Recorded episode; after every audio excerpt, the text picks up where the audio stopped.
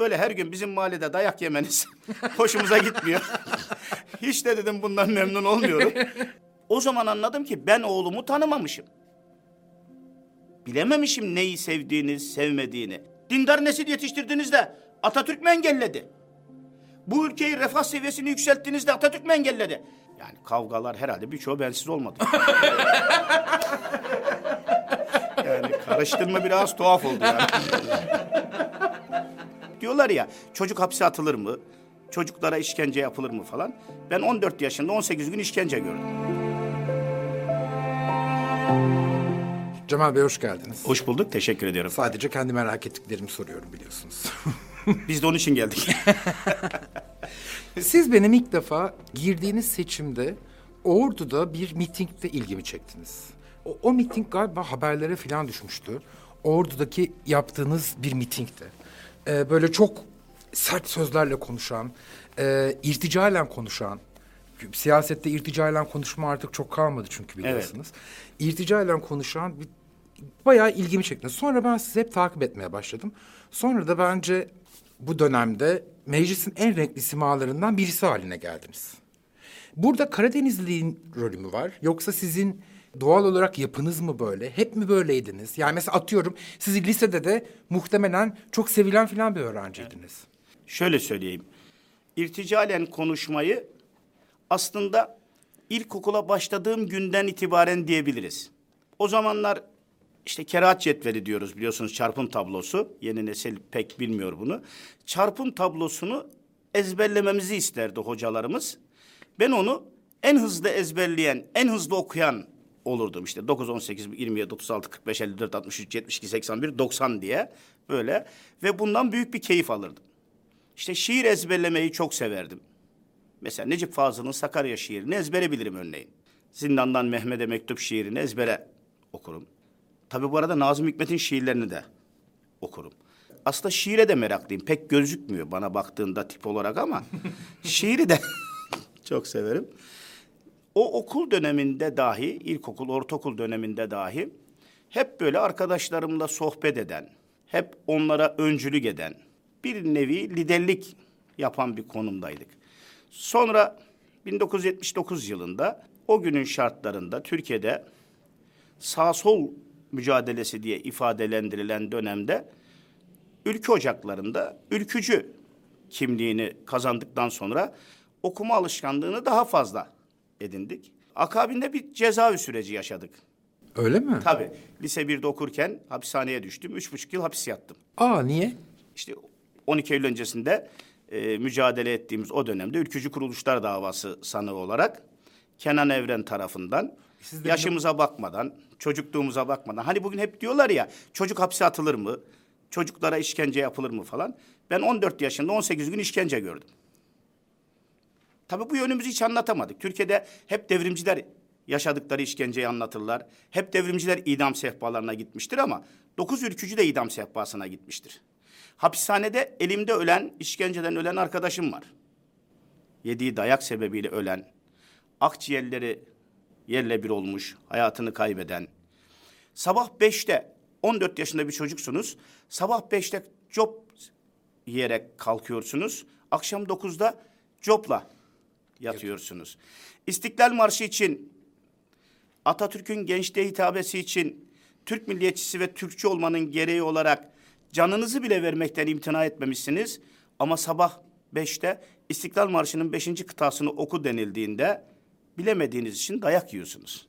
Bu süreçlerde de mücadeleci bir kimliği mecburiyetten edindik. Çünkü şartlar zor. Hayat zor. Çile var, işkence var. Bir de o günün şartlarında devrimcilerle aynı koğuşta yatıyorsunuz. Kenan Evren karıştır barıştır diyerek güya bizi aynı koğuşlara attı. E, solcular sayı olarak bizden hep fazlalar. İşte biz 10 ülkücüysek 30 ül- devrimciyle bir arada yatıyoruz. O da bize bir mücadele azmi ve bir de neyi savunduğumuzu, fikrimizin ne olduğunu da en iyi şekilde okuma imkanı verdi.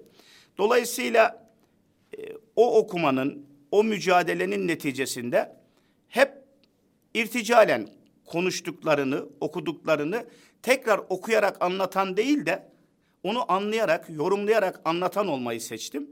Bu da siyasette, e, mitinglerde, meclis kürsüsünde, konuşma yaptığımız her yerde irticalen konuşma yapmamızı e, bize bir imkan olarak sağladı diyelim. Bizim için bir şans oldu. Dolayısıyla mitinglerde de hakikaten sizin de ifade ettiğiniz gibi e, fazlasıyla heyecanlı konuşuyoruz. Bir de aşağıda kalabalık olunca coşku o heyecan daha fazla yansıyor. Okumayı yani şöyle söyleyeyim aslında okuyarak belki anlatmak doğrudur ama bizim gibi siyasetçilerde okuyarak anlatmanın köyde bir artısı yoktur. Sokakta bir artısı yoktur. Çünkü bizim insanımız diyor ki benim gibi ol. Benim gibi konuş. Ben anlayayım ne dediğini diyor. Yani süslü cümleler kurup ağdalı cümleler kurarak aa çok edebiyat bilgisine sahip demez bizim insanımız. Ne güzel Türkçeyi kullanıyor demez. Ne söylediğini ben anlayayım ister. Dolayısıyla ben de siyasette kendime tercih olarak bu yolu seçtim. Halkın anlayacağı dili kullanıyorum. Cemal Bey, siyaset merakınız aileden mi? Hayır. Ben Çünkü 14 yaşında siyaset yapmak ve bundan tutuklanıp cezaevine girmek hani bu kökten görmekle Hayır, benim ailem Cumhuriyet Halk Partili. Rahmetli babam da Ecevit affıyla 1974 yılında hapisten çıkmıştı. E, Ecevit'i çok severdi. Benim ülkücülüğüm çok ilginç. Kısa olarak anlatayım. Bizim mahalle, Yeni Mahalle diye bir mahallede oturuyorum. İşte ülkücüler o mahallede oturuyorlar. Ama her gün devrimciler ben de sanat okulunda okuyorum 79 yılında. Devrimciler 100-150 kişilik grupla 10-15 kişilik ülkücüleri kovalıyorlar, kaçıyorlar. Bir gün dedim abi siz niye böyle her gün kaçıyorsunuz, biri sizi kovalıyor? Ya bunlar komünistler dedi. Kim bunlar dedim işte bunlar vatan haini. Bunlar ülkeyi komünist yapacaklar. Rusya'nın peyki yapacaklar. Ama abi siz azsınız. Biz size dedim yardımcı olalım, destek olalım da dedim. Böyle her gün bizim mahallede dayak yemeniz hoşumuza gitmiyor. Hiç de dedim bundan memnun olmuyorum. Benim ülkücülüğüm böyle. Yani mağdur olan bir kesimin yanında yer alıp güç olmak için, onlara destek olmak için ülkücü oldum. Ama demin de söyledim ya, ülkücü olduktan sonra e, ilk okuduğum kitap, birileri hep dokuz ışık diye böyle anlatır ya. Benim ilk okuduğum kitap Armağan Bey Das Kapital'di. Karl Marx'ın Das Kapital'ini okumuştum. Çünkü birine komünist derken niye dediğimi Neyi- bileyim de Tabii, istiyorsunuz. Niçin komünist dediğimi bilmeliydim. Veya birisi bana komünizmi biliyor musun diye sorduğunda ben bildiğimi söylemeliydim. Dolayısıyla benim ülkücülüğüm böyle başladı. Ailede de kimse yoktu. Ben orayı merak ettim. Ne oldu sonra? O, o e, işte 14 kovalanan insanla arkadaş oldunuz. Onlar sizi... Tabii 15. gün hapse düştüm. 15. gün. Tabii ülkücü oldum 15. gün hapse düştüm. Çünkü çok e, haylaz, böyle çok cesaretli. İşte biraz önce dedim Karadeniz'in hırçın şeyi. Ülkücü 79 yılının e, Eylül ayında hapse düştüm. Çabucak Sonra yani. çıktım 80 yılının Ocak ayında bir daha hapse düştüm. Sonra bir daha 1980 yılının Temmuz ayında tekrar hapse düştüm. Üç buçuk yıl hapis yattım. Yani bu kadar e, heyecanlı bir ülkücü modeliyim yani. Babanız yaşıyordu o zaman. O zaman yaşıyordu. Peki babanız da o zaman işte Babam da sosyal benden- demokratmış, Ecevitçi. Tabii Ecevitçiydi. Evde sorun çıkıyor muydu Cemal Bey? Şöyle, babamın tek oğlu olduğum için, babam ben ülkücü olunca, babam da beni korumak için MHP'li oldu. Babam eee Milliyetçi Hareket Partisi'nin o zaman 80 sonrasındaki ilk partisi Muhafazakar Parti'ydi. 1983 yılında kurulmuştu. Babamı ben eee, kurucu üye yaparak da 1983 yılında annemi ve babamı da partinin üyesi yapmıştım hapisten çıktığımda. Allah rahmet eylesin. 2009 yılına kadar babam, eee, hatta benim babam eee, alkolü çok severdi. Çok alkol alırdı. Ben hapisten çıktığımda dedim ki baba bak sen işte alkol alıyorsun. Ben de ülkücüyüm. Üç yıl, üç yılın üzerinde hapis yattım. Gel bir anlaşma yapalım. Ben tekrar lise birden okula başlayacağım. Sana söz veriyorum. Üniversite bitireceğim. Senin en büyük hayalin benim okumamdı. Ama sen de gel içkiyi bırak namaza başla dedim. Rahmetli babam 1983 yılının Mayıs ayında içkiyi bıraktı, namaza başladı. Ben de o sene lise birden tekrar okula başladım. Ee, Eskişehir İktisadi İdare Bilimler Fakültesi İktisat bölümünü bitirdim. Yani bu yönden de benim gibi pek fazla insan bulamazsınız. Yani üç buçuk yıl hapis yatıp lise birde hapse girip sonra çıkıp tekrar lise birden okula başlayıp üniversiteyi bitiren ender insanlardan birisiyim. E, kaç yaşında bitirdiniz? Üniversiteyi bitirdiğimde herhalde 20-21 yaşındaydım. E, genç misiniz? Tabii. Ama ben hapse girdiğimde 14 yaşındaydım. Zaten. Dolayısıyla hapisten çıktığımda 17 yaşındaydım. Tekrar lise birden okula başlayıp işte dört sene üniversiteyi okuduk. 21 22 yaşında- Evlisiniz. Tabii iki çocuğum var. Ee, birisinin adı Alp Türk. Alp Arslan Türkeş'in Alp'ini aldım. Türkeş'in de Türk'ünü aldım. Ee, kızımın adı da Miray Naz. İki, bir oğlum bir kızım var. Ellerinizden öper. Ordu'da mı Ankara'dalar. Hayır, Ha, Ankara'dalar. hayret. Bugüne kadar gelen siyasetçili bütün aileler parçalanmış aileydi. Yok, benim e, aileyi hiç bırakmadık Allah'a şükürler olsun. Kızım İktisat Fakültesini bitirdi. Oğlum da sinema, rate- radyo, televizyon okuyor. Öyle Son mi? sınıfta inşallah bu Meslektaş sene. olacağız yani. Meslektaş olacaksınız inşallah. Göndeririz yanınıza. Gelsin. inşallah ders alır. Staj hocam. yaptırırız Staj ona. yapar inşallah. Eşiniz çalışıyor. Ev hanımı. Ev hanımı. Evlendiğimiz günden itibaren ev hanımı olarak ama tabii okumayı çok seven, e, birikimi yüksek düzeyde olan, birçok ülke meselesini e, birlikte tartıştığım, beraber sohbet ettiğim, fikrinden istifade ettiğim ve doğru tespitler yaptığına inandığım için tespitlerini büyük oranda uyguladığım bir hanımefendi kendisi. Ha akıl danışırsanız yani. Tabii kesinlikle. Özellikle sabah kahvaltılarında muhakkak ülke gündemi üzerine sohbet ederiz kendisiyle, çocuklarla birlikte. Bizim evde yıllarca çocuklarımız şöyle büyüdü Armağan Bey. Hafta sonları iki saat kitap okuma mecburiyeti vardı bizde. Benim eee, çocuklarım ve annesi hakikaten iyi bir okuma bilgisi, sevgisi olan insanlar. Biz sürekli fikir tartışırız. Oğlumla da fikir tartışırız. Eee, kendisi iyi bir eee, Türk milliyetçisidir, vatanseverdir. Bir örnek vermek istersek, hep FETÖ FETÖ derler ya Türkiye'de birileri FETÖ mücadelesinden falan. Yıl 2007, oğlum 9 yaşında. İlkokulda okuyor. Bir gün eve geldim. Baktım böyle kapısında A4 kağıdına şöyle bir yazı yazmış Alptürk.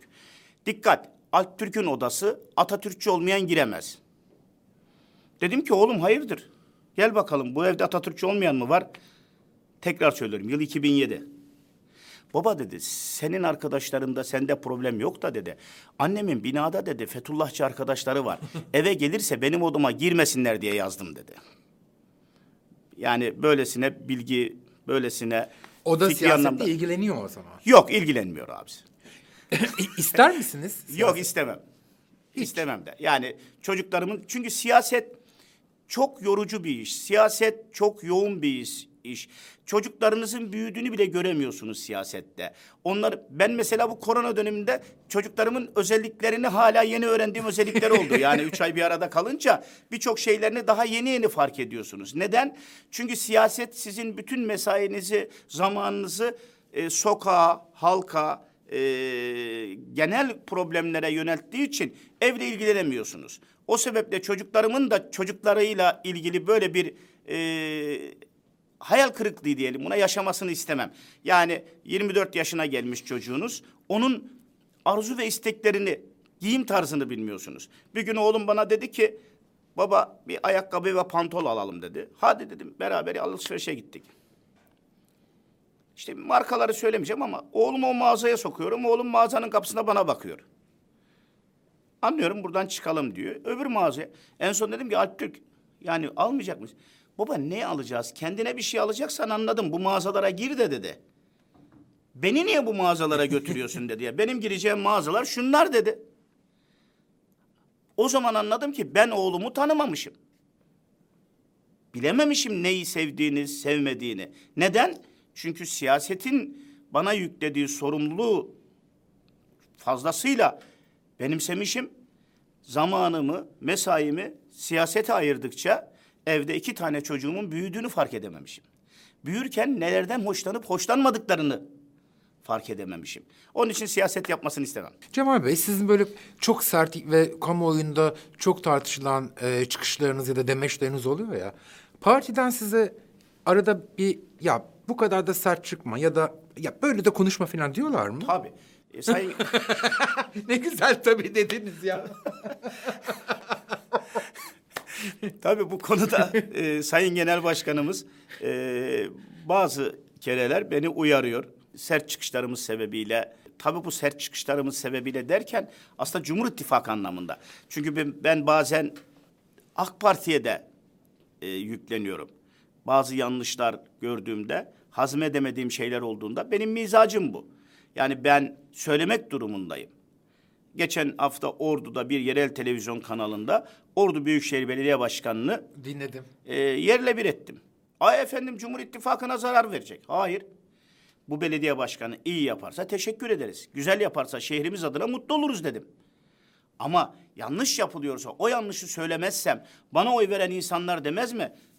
Cemal Engin Yurt biz seni niye seçtik? Şimdi buraya girerken vatandaş makbuz atmış su makbuzu. Şimdi buraya girerken. Bana makbuzla fatura gönderdiler ama suyum akmıyor. Bu neyin faturası diyor.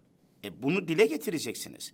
Şehrinizin güzel olmasını istiyorsunuz. Şehrinizin göç etmemesini istiyorsunuz. Şehrinize İstanbul'a göçmüş ama memleket hayali gören insanların o şehre geri dönmesini arzuluyorsunuz. O zaman o şehirde ne olması lazım? Çiçek böcek ekerek şehir güzelleşmez. Altyapı lazım. Altyapı lazım, sanayi lazım, üretim alanları lazım, istihdam yaratmanız lazım ki siz o şehirde zenginliği yaratın. E bizim bu talebimiz.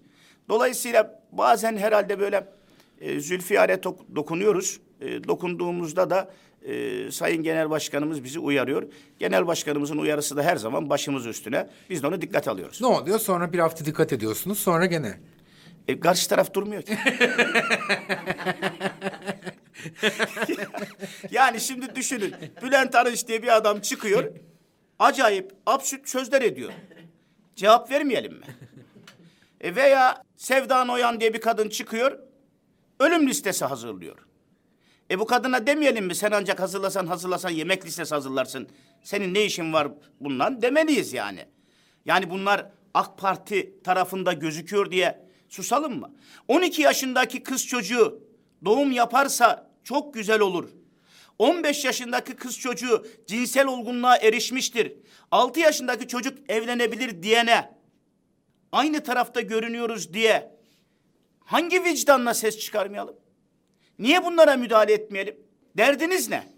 12-15 yaşındaki çocukla. Bir de buna mazeret üretiyorlar. Efendim 15 yaşında çocuklar flört ediyormuş, zenginlerle bir geziyormuş 50-60 yaşlarında ona niye demiyormuşsun? Ya o 50-60 yaşında gezen zenginin de Allah belasını versin. Ama senin de Allah belanı versin. Sen neye göre bunu... Önce herkes kendi çocuğuna baksın. Benim kızımı istemeye geldiler Armağan Bey. Bir sene önce. Annesi yaşındaki gelmeden kızınız? önce beni uyardı. Kaç yaşındaki kızınız? 24 yaşında. Bakın. Annesi dedi ki Cemal Bey dedi böyle böyle dedi e, kızı istemeye gelecekler. Filancılar geliyor.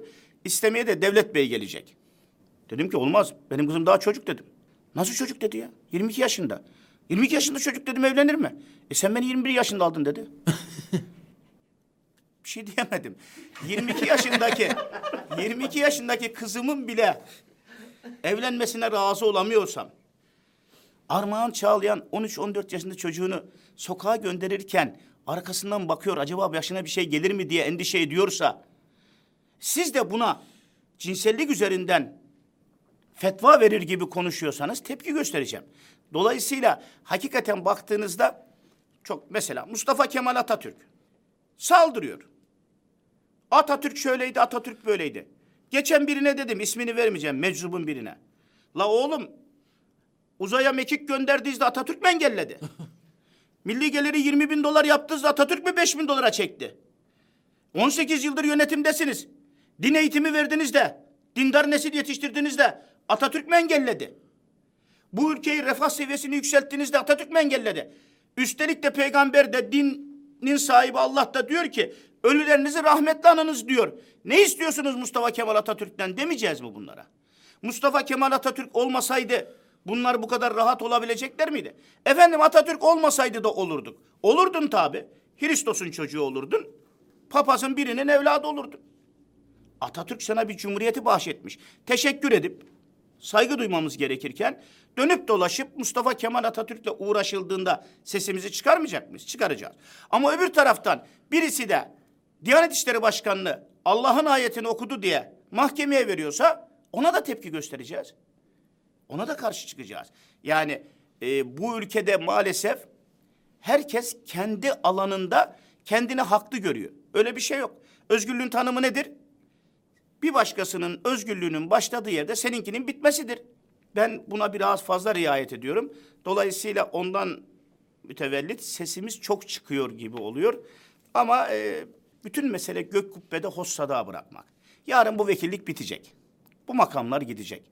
Ben orduya döndüğümde eğer insanlar sayın vekilim Cemal Bey buyur bir çay iç diyebiliyorsa, halımı hatırımı soruyorsa, bayramda seyranda arayıp tebrik ediyorsa bize bu mutluluk yeter. Cemal Bey, böyle konuşuyorsunuz. İşte mecliste gerilimler oluyor filan. Sonra özel hayatlarınızda görüşüyor musunuz? Ve- Görüşmüyorum. vekillerle. Ben görüşmüyorum. Ha siz kincisiniz. Ben kinci değilim ama şöyle düşünüyorum. Diyorum ki ben bu adama bu kadar laf söyledikten sonra Armağan Çağlayan bir yerde bununla beni sohbet ederken görürse ya yazıklar olsun sana Cemal Engin Yurt. Hem bu adam hakkında bir sürü laf söyledin hem de nasıl oturuyorsun der diye görüşmemeye hassasiyet gösteriyorum. Kinden dolayı değil. Omurgadan dolayı, duruştan dolayı. Ama o zaman sadece kendi siyasi görüşünüzdeki insanlarla. Yo, Cumhuriyet Halk Partisi'nde çok sevdiğim, değer verdiğim insanlar var. HDP'de mesela Ahmet Şık ayrıldı. Beni gördüğünde selam verir, gelir, sohbet ederiz, konuşuruz. Birkaç tane öyle gelip selam veren var. Ee, hiç öyle bir sıkıntım yok. Ee, ben HDP'lilere de şunu söylüyorum. Diyorum ki Türk devletine, Türkiye Cumhuriyeti'ne liderimiz Devlet Bahçeli'ye hakaret etmediğiniz müddetçe Bizim sizinle kavga etmemiz için bir sebep yok bu mecliste diyorum. Açık ve net söylüyorum. Ama Türk devletine, Türk Silahlı Kuvvetlerine, Türkiye Cumhuriyeti'ne hakaret ettiğinizde, liderimize, bize hakaret ettiğinizde diyorum, biz her zaman kavgaya açığız. Birileri diyor ki Kavgaya efendim, açığız tabii demek. kavgacısınız diyor. Ben geçen yazarın ismini vermeyeceğim ama yani biz kavga işini iyi biliyoruz. Bizde niye uğraşıyorsun o anlamda? Uğraşma. Bizim en iyi bildiğimiz iş kavga. Yani biz ülkücüler olarak hep benim söylediğim bir şey var. Ya Cemal Engürt diyorlar, sen çok küfür ediyorsun diyorlar. E tamam da ben kreşte büyümedim ki. Anaokulunda büyümedim ki ben. Rahmetli babam şuna da söyle oğlum aferin diyordu. Buna da söyle oğlum aferin diyordu. Ben böyle büyüdüm. Şimdi gelmiş efendim sen 56 yaşına geldin değişmen lazım. Hayırdır ya? Ben mevsim miyim ki değişim göstereyim? Ben moda mıyım ki değişim göstereyim? Ben kendine göre duruşu olan, omurgası olan bir Cemal Engin Yurt'um. Değişmek gibi bir derdim de yok. İnançlarım, inandıklarım, sevdiklerim, davam benim ortak kutsalım. Bunlara bir şey dediğinde kavga da edebilirim. Her an hazır olsunlar. küfür Hiç ederim. mecliste siz kavgaya karıştınız mı? Yani kavgalar herhalde birçoğu bensiz olmadı. yani karıştırma biraz tuhaf oldu yani. Her kavgada varım diyorsun. Yani hamdolsun Allah. Elimizden geldiğince gayret gösteriyoruz yani. Ya sakın o sıraların üstünden filan uçan siz olmayasınız. Yok yok o kadar da değil yani. Kilom müsait olmuyor. Bu ara zayıflamaya önem verdim. Ee, Diyet yapıyorsunuz. diyet yapıyoruz Allah Kaç izin verirse. Bey? 1965. Aa benden bir yaş büyüksünüz. Evet Nisan e, 9 1965 Nisan 9 doğumluyum. 8 Nisan 1966'yım ben de. E demek ki Ar- tam bir Burcu. yıl var aramızda. Aramızda bir yıl var. Ve bir de Koç burcu olmanın güzelliği var, özelliği var. Ben hiç burçlara inanmıyorum. Ben de inanmıyorum. Yani öylesine söyledim yani. Senin program biraz böyle burç falan filan ilgili Öyle bir havası var. Çünkü senin sosyal çevre ona müsait yani. Aa benim için şöyle diyecekler. Aa bak bu burçları falan da biliyormuş desinler diye dedim. Burçları bilebiliyormuş. Tabii bile biliyormuş en azından e, mesela hanımın burcunu biliyorum falan ya. Onu aa bak bu farklıymış desinler. Bu programa geliş gayem de o zaten. Yani Armağan Çağlayan'ın programına katılarak böylece farklı kesimlerdeki insanlar da bizi görsün istedim. Tabii ki. Tanısın istedim. Tabii ki. Hep bizi kavgacı, küfür, dövüş böyle bilmesinler yani. Demin bunu konuştuk biliyor musunuz? Ee, Türkiye'de siyaset niyeyse asık suratla yapılıyor. Tabii tabii. Mesela siz ne kadar eğlenceli bir insansınız, ne kadar güzel sizle iletişim kurulabiliyor. Ama Sen biz... benimle özel sohbet etsen daha eğlenceli aslında. Değil mi? Aa. Mesela İsmail Saymazlıoğlu'nun arkadaşlarınız beni çok şaşırttı. Ama şimdi demin dediniz ki Ahmet Şıklı arkadaş. Mesela çok ilginç. Tabii. Ama bizim dışarıdan algımız böyle değil. Sanki konuşmuyoruz, Evet. küsüz, kindar. Öyle bir şey yok. Yani ben mesela örnek vereyim. Geçen Can Ataklı bizimle ilgili yazı yazdı. Ben aradım. Can abi dedim ya bizimle ilgili niye yazdın? İşte Fatih Altaylı'ya biz çok sert bir üslupla cevap verdik. Ya Fatih Altaylı'ya dedi siz dedi çok sert ifadeler kullandınız. E tamam da abi Fatih Altaylı televizyonda bize ağır hakaret etti. Güya bir halk sözünü söyledi. İtülür, kervan yürür diye. Ama kullandığı cümle arasında buradan kastını ülkücüler olarak biz algıladık. Fatih Altaylı daha sonra ben ülkücüleri kastetmedim dedi. Önemli değil o bizim için. Biz biliyoruz sen bizi kastettin. Biz de Fatih Altaylı'ya cevap verdik. Can abi san, sana ne oldu dedim yani mesela nedir senin bizimle derdin? Ya bana da çok ağır küfür ettiniz. Ne zaman ettik? E, yazıyı yazdıktan sonra. Abi yazıyı yazana kadar o zaman gazetecisin bizi de arayıp sorsana. Sizi bu noktaya getiren nedir? Mesela geçenlerde Canan Kaftancıoğlu bu AK Parti Grup Başkan Vekili etik kurallara uygun tweetler atalım diye bir kampanya başlatınca Canan Kaftancıoğlu bir 6-7 tane tweet yayınlamış. Canan Hanım'a güzel iltifatlar ediyorlar. Bunun neresi etik diye soruyor. E tamam da Canan Kaftancıoğlu sizin mahallenin çocuklarının da bize öyle söyledikleri var ki biz de onları mı yayınlayalım? O zaman seninki kötü kullandı, benimki kötü kullandı dememeliyiz. Ne yapmalıyız? Dilimizi düzgün kullanmalıyız o zaman. Mümkün mü bu? Ya niye mümkün olmasın? Paylaşamadığımız ne var? Şimdi bakın benim hep söylediğim bir şey var. Sever miyim? Sevmem. Ya ben şimdi komünistler seviyorum desem çok abes olur yani. Komünistler de inanmaz da yani gülerler bana. Şimdi Deniz Gezmiş'le ilgili benim söylediğim bir şey var. Deniz Gezmiş idam sehpasına gittiğinde kahrolsun Amerika, yaşasın bağımsız Türkiye diye sandalyesine tekme attı. 7 Ekim 1980 tarihinde Ülkücü Mustafa Pehlivanoğlu idam sehpasına gittiğinde kahrolsun Amerika, yaşasın milliyetçi Türkiye diyerek sandalyesine tekme attı.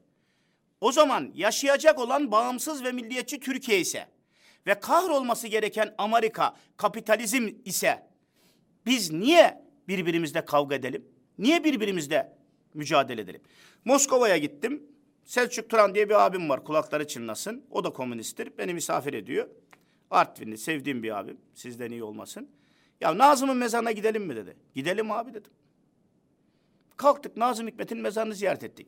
Nazım kabul etti etmedi bilmem ama bir de Fatih okudum Nazım'a ben. Dolayısıyla niye yaptım bunu? Çünkü ben Nazım'ın birçok şiirini çok severim. En çok Nazım'ın hangisini hayatında mesela memleketimi çok severim. Artı Nazım'ı da ben Türkçü kabul edenlerdenim. Belki çok tuhaf gelecek ama Nazım 1950 yılında Sultan Galiyev'le birlikte Türkçülük yaptığı için Rus devleti tarafından Polonya'ya sürgüne gönderildi. Ve Veray'la da orada tanıştı zaten. En büyük aşkım dediği Veray'la orada tanıştı. Nazım Hikmet'in hayatına baktığınızda 1950 yılından sonra müthiş bir Türkçülük görüyorsunuz. E ben de Türkçüyüm, Türk milliyetçisiyim. E Nazım benden uzak değil ki.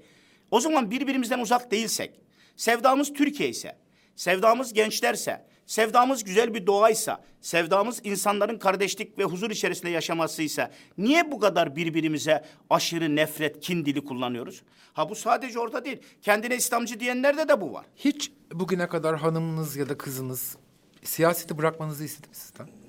21 yaşında evlendik ya. Dolayısıyla o gün itibariyle de ben e, Milliyetçi Çalışma Partisi'ydi o zaman MHP'nin adı. İl sekreteriydim partinin. Dolayısıyla siyasetle benimle tanıştığı için O da mı siyaset yapıyordu? hayır hayır yok. Ha. Benimle, Siz tanıştığınızda siyaset tanıştığımda siyaset yaptığım için hiç öyle bir ihtiyaç hissetmedi. E kızım oğluma gelince ilginç bir şey söyleyeceğim. Benim kızım ve oğlum Armağan Bey hiç okudukları okulda dahi Cemal Engürt'ün çocuğu olduğunu söylemiyorlar yani.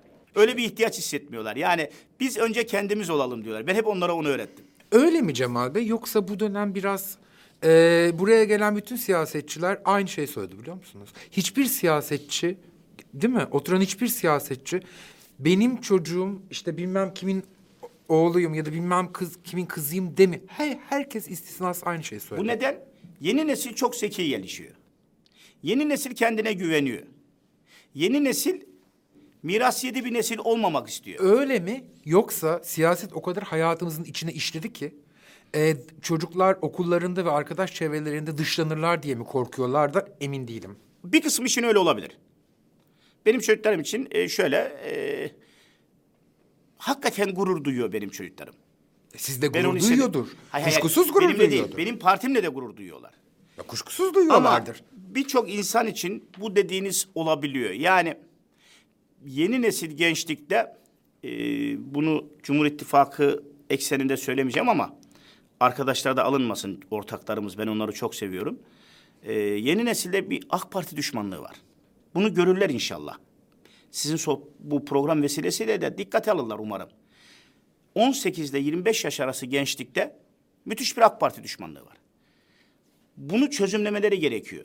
İşte bu AK Parti düşmanlığı AK Partili bir siyasetçinin işte evladı için AK Partili olduğunu söylerken bazen çekince yaratıyor. Bizim çocuklarımızın da öyle bir sıkıntısı yok. Bunu gönül rahatlığıyla söylüyorum.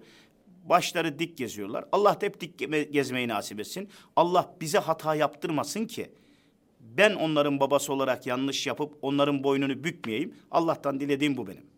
Daha güzel bir dilek olamaz herhalde. Ya işte bu güzel siyasetçi dediğiniz kim var? Devlet Bahçeli deyince e, seyredenler şöyle diyebilir. Ya hakikaten başka ne beklenirdi senden? İşte takla atıyorsun. Ancak bunu derdin derler ama emin olun önce ülkem, sonra milletim, sonra partim, sonra ben anlayışıyla Sayın Devlet Bahçeli örnek aldığım bir siyasetçi. Hakikaten Armağan Bey ilginç özellikleri olan, yüksek düzeyde merhameti olan, vatanını, devletini ve milletini sevmekten başka hiçbir derdi olmayan bir siyasetçi. Devlet Bey'in Türk sanat müziği düşkünlüğü çok ilgimi Tabii. çekmişti benim. Türk sanat müziğine düşkündür. Ee, arabeşte de e, Ferdi Tayfur'u Evet, dinlemekten keyif alır. Şiiri çok sever. Sohbeti keyiflidir. Sohbet etmenizi isterim. Çok e, keyifli sohbeti vardır. Bir de şu, Devlet Bey çok merhamet sahibi bir adam. Yüksek düzeyde merhamet sahibi bir adam. Belki anlatılmasını istemez ama ben anlatayım ve ilk sizin programınızda olmuş olsun bu. Belki de Türkiye'de ilk defa insanlar dinleyecekler. Bir gün Bursa'ya gidiyor seçimlerden önce.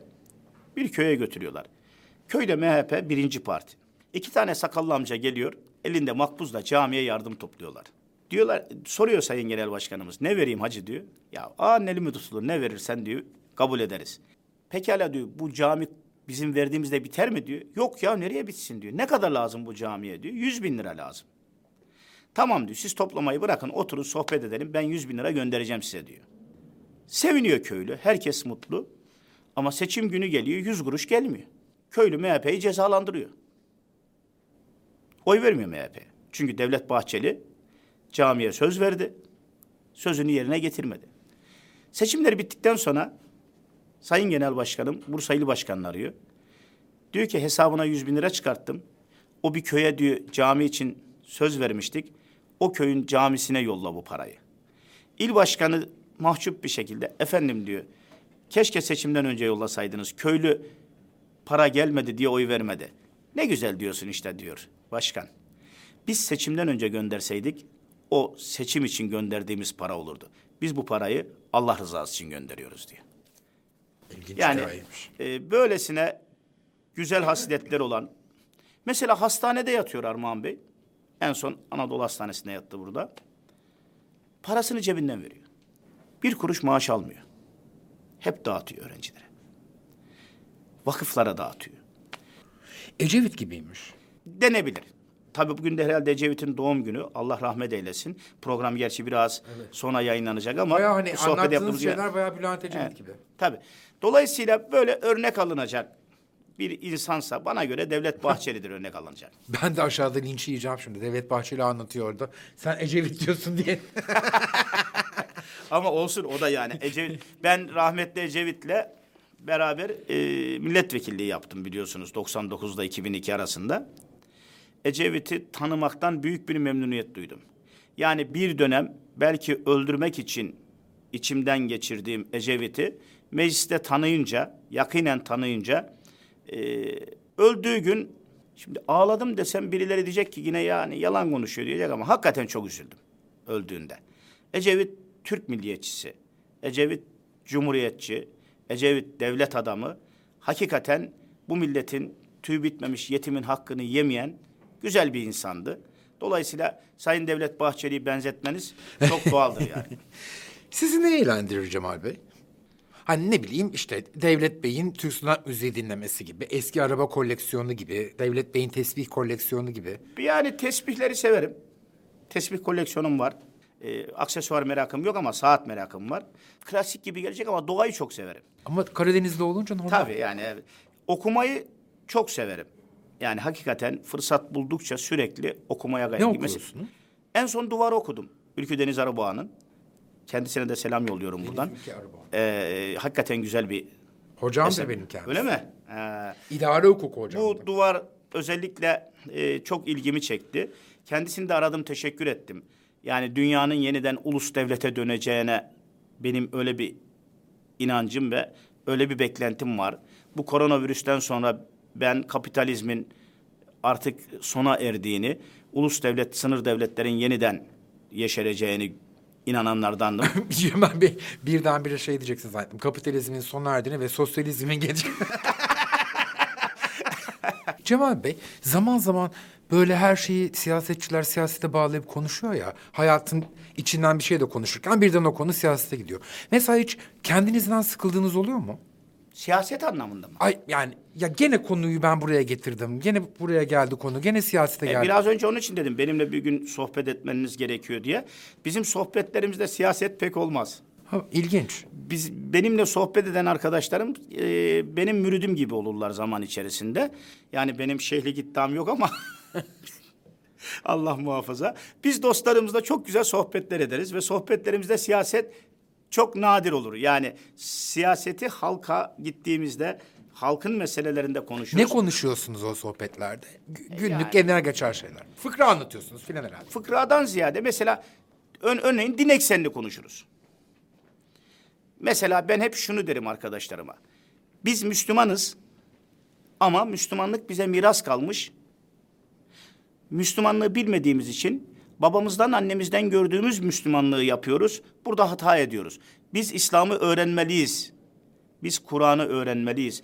Kur'an'ı anlamalıyız. Mesela Kur'an'ın Türkçe okunmasını ben hep arkadaşlarıma tavsiye ederim. Ne zamana kadar siyaset yapacaksınız? Yaş 56, 60 olunca bırakırız. Aa, Yeter bizim için. Çünkü siyasette benim eee, böyle hedefleri olan bir insan değilim. Yani benim tek hedefim siyasette vatandaşa, millete yardımcı olduğum sürece bu bana yeter. E, 60'tan sonra da muhtemelen ne yaparım? En büyük hayalim böyle güzel bir kütüphane gibi bir yer yapıp orada kitaplar olsun. Orada ben gençler gelsin, onlarla sohbet edeyim. Böyle hani Ömer Dede vardı bir dizide ya. Öyle Ömer Dede gibi olayım, sakalı da bırakayım böyle. Oturup onlara bilgi birikimimi paylaşayım. Onlarla e, sohbet edeyim. herhalde orduda. Orada tabii inşallah. Bir evde olabilir diyoruz işte hatta bazen espri yapıyoruz. Evin etrafını çevirelim diyoruz. İşte orada mescidi olsun. Orada kütüphanesi olsun. İnsanlar gelsin, gençler gelsin. Onlara fikirlerimizi, tecrübelerimizi anlatalım diyoruz. En büyük hayalim o yani. Cemal Bey, buraya gelen bütün siyasetçiler e, vekil maaşının aslında kendilerine sadece temsil ve ağırlama gideri gibi olduğunu söylediler. E, yani çok para harcandığını söylüyorlar. Yani şöyle Armağan Bey, olaya şöyle bakın. Vekil olduğunuz için şehirde her hafta sonu altı düğüne gitmek zorundasınız. Düğünlere gittiğinizde 50 lira daksanız arkanızdan söylüyorlar. Yakıştı mı lan bu diyorlar. 100 lira daksanız ki dakıyorsunuz 600 lira ediyor. İki günde 1200 ediyor. Dört haftada ne yapıyor? Beş 5000 lira ediyor. E şehre giderken Ankara'dan bir mazot geliriniz yok ki, benzin geliriniz yok ki sizin. Araca mazot koyuyorsunuz, geri dönüyorsunuz. Bin lira da ona gidiyor. Altı bin. Altı bin gitti. Ayda altı bin gitti. Üç ayda alıyorsunuz maaşı. On sekiz bin gitti. Meclise gelirken 30-40 kişiyle geliyorlar. Ya bir yemek yiyelim diyorlar. Veya siz yemeğe götürme ihtiyacı hissediyorsunuz. 600 liradan aşağı yemek parası ödemiyorsun. Hani diyorlar ya meclis lokantaları ucuz. Ucuz ucuz diye diye meclisi de zaten ayağa kaldırdılar. Dolayısıyla bir milletvekilinin maaşı üzerinden eleştirilmesi, maaşının gündeme getirilmesi hakikaten doğru değil. Yani eee, öyle giderleriniz var ki ben şöyle söyleyeyim Armağan Bey. Sadece şu korona döneminde ben ve arkadaşlarım maaşımızın beş katı gıda dağıttık, nakdi yardım yaptık. Bunu nasıl toparlayacağız? Ek bir Maaş geliriniz, ek bir geliriniz var mı? Var. Ha. Ticaret yapıyorsunuz. Zaten o olmasa battık zaten. Ticaret mi yapıyorsunuz? Tabii. Balıkçılık yapıyoruz. İnşallah orada da bir gün programı da orada yaparız. Aa nasıl Tabii. E, balık işleyen arkadaşlarımızla e, tekneleri var. Onlarla birlikte ben de yanlarındayım. E, Balığa çıkmıyorsunuz herhalde. Balığa da çıkıyoruz canım işte Allah bir gün onun için diyorum yani. Balık işini bizim orada sevilir, e, yapılır. E, böyle resmi bir ortaklığımız yok ama e, orada ticari anlamda destek oluyoruz. Birbirimize yardımcı oluyoruz. Ben de orada bulunuyorum. Bugüne kadar sizin en çok eleştirdiğiniz o meşhur uluduğunuz video. Evet. Niye çektiniz onu? Sevdiğim için. Yani mesela sonradan ya hani bunu da yaptım, yaptım ama başıma da dert oldu dediniz mi? Hayır. Hiç. Ben- Çünkü günlerce konuşuldu. 13 yaşında biraz önce dedim ya ilk ülkücü olduğumda ülke ocaklarına gittiğimde Armağan Bey bir tahta var. Tahtanın üzerinde şöyle yazıyordu. Tanrı Dağı kadar Türk, Hira Dağı kadar Müslümanız. Sonra hapse düşüp okumaya başlayınca Tanrı Dağı kadar Türklükten ve Hira Dağı kadar Müslümanlıktan ne anladığımızı daha iyi anlama imkanı bulduk. Tanrı Dağı, Kırgızistan, Kazakistan, Özbekistan ve Türkmenistan'ı bir sınır boyunca e, baştan başa Çin Seddi'ne kadar giden ve bizim atalarımızın yaşadığı, at koşturduğu, e, kımız içtiği, saz çaldığı bölgeler. Ben küçükken şöyle demiştim. Cezaevinde yatarken daha doğrusu 14 yaşındayken. Allah bir gün bana nasip edecek. Tanrı Dağı'na gideceğim. Bozkurt gibi uluyacağım. Hira Dağı'na gidip tekbir getireceğim demiştim. Ha dileğinizi yerine Tabii. getirdiniz. Tanrı Dağı'na gidince de orayı görünce ben orada bozkurt gibi uludum. Adam yazmış işte. Ya niye havlıyorsun? Şimdi nezaketen şöyle yazıyorum işte. Bozkurt havlama şey bozkurt ulumasıyla köpek havlamasını karıştıran sana ne dememi beklersin diyorum. Bu sefer alınıyor. Birisi bozkurt uluması. Bizim bir sürü sanatçımız var şarkılarını okurken bozkurt gibi ulurlar. Kazakistan, Kırgızistan şarkılarını söyleyenlere baktığınızda bozkurt gibi ulurlar. Şimdi bozkurt ulumasından ben o zaman da yazdım. Niye rahatsız oldunuz? Gezi olaylarında maymun postuna girindinizde, ayı postuna girdinizde veya ne bileyim kendinize sevimli bir köpek logosu yaptığınızda hayvan sevmek kötü bir şey mi ya? Yani bundan niye rahatsız oldunuz? Benim bozkurt gibi bir ulumam özellikle devrimci arkadaşlarla çok ilginçtir. İslamcıları rahatsız etti. Yani komünistlere ne oluyor onu anlamadım yani. Hani İslamcılar hadi diyor ki Tanrı da, mesela İslamcının biri yazmış sen diyorsun ya niye engelliyorsun? Sen diyor ya niye Tanrı Dağı diyorsun diyor.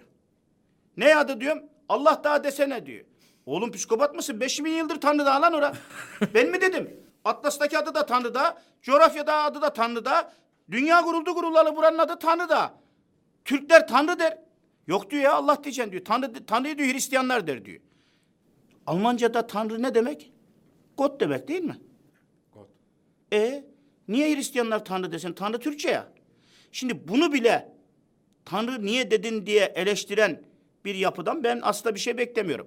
Dolayısıyla bu sene hacca gidecektik. Korona oldu. Tanrılarından sonra Hira Dağı'na gideceğim. Orada da tekbir getireceğim. O videoyu da paylaşacağım Allah izin verirse.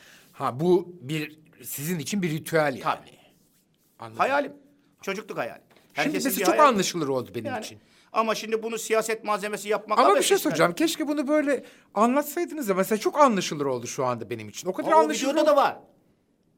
Videonun tamamı yayınlanmıyor ki. O bir çekim. Çekime başlamadan önce diyorum ki kendim yayınlıyorum bunu. Yani biri çekti de yayınlamadı Armağan Bey. Ben kendim yayınladım sosyal medya hesabımda.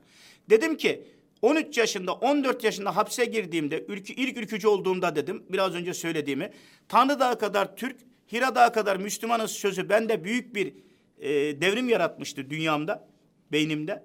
Dolayısıyla dedim ben söz verdim o gün. Bir gün Tanrı Dağı'na gidip Bozkurt gibi uluyacağım. Hira Dağı'na gidip tekbir getireceğim. Ve şimdi Ama biz ilkini buralarını- gerçekleşti. biz Siz sonuna bilmiyoruz. baktınız. Sonuna bakınca da vay Bozkurt gibi uluyor. Sizinkilere bu sizinkiler diyorum hakkını helal et de. Sen de olduğun için yani. Benimkiler kimse. Ha, bu komünistlere bir acayip oldu bunlara yani. Niyeyse buradan çok rahatsız oldular yani. İsmail'in arkadaşıyım diye komünist diyorsunuz bana. Biliyorum. İsmail'e de diyorum ama bunu. Söylüyorum. İsmail de hakikaten anlayış gösteriyor. Hatta İsmail bana diyor ki abi Halk TV'ye programa katıl. Ya İsmail Halk TV'ye programa katılırım da dedim sana üzülüyorum. Niye dedi? E ben Halk TV'ye çıkınca sen Halk TV'den atarlar dedi. Size Küfür- e, özel hayatınızda da çok küfür eder misiniz? Ben mi? Ee, yani etmiyorum desem herhalde izleyenler arasında tanıyanlar der ki bak yine attı falan der. Yani dedim ya az önce kreşte büyümedim ki ya. Rahmetli babam çağırıyordu. Oğlum şu amcaya söyle diyordu. Niyeyse. Niyeyse yani öyle büyüttüler. Anadolu'da hep öyle değil miydi küçüklüğümüzde aynı yaştayız. Anadolu hep öyleydi. Şu amcaya dö, şuna şu. Benim rahmetli babam bana derdi ki daha çocuktum. Benim babamın okuması yazması yok. Hani birçoğu konuşurken atıp tutuyor işte ya bunlar aile terbiyesi almamış falan. Biz aile terbiyesini babamızdan aldık. Babamın bana söylediği şey vardı. Oğlum hırsızlık yapma. Uyuşturucu satma. Kul hakkı yeme derdi. O cahil haliyle. Bunları yapma. Bizi böyle büyüttü. Şimdi bakıyorum ben e, o, o, o çocuklukta biz öyle büyüdük. Yani kreşte büyümedik, anaokulunda büyümedik.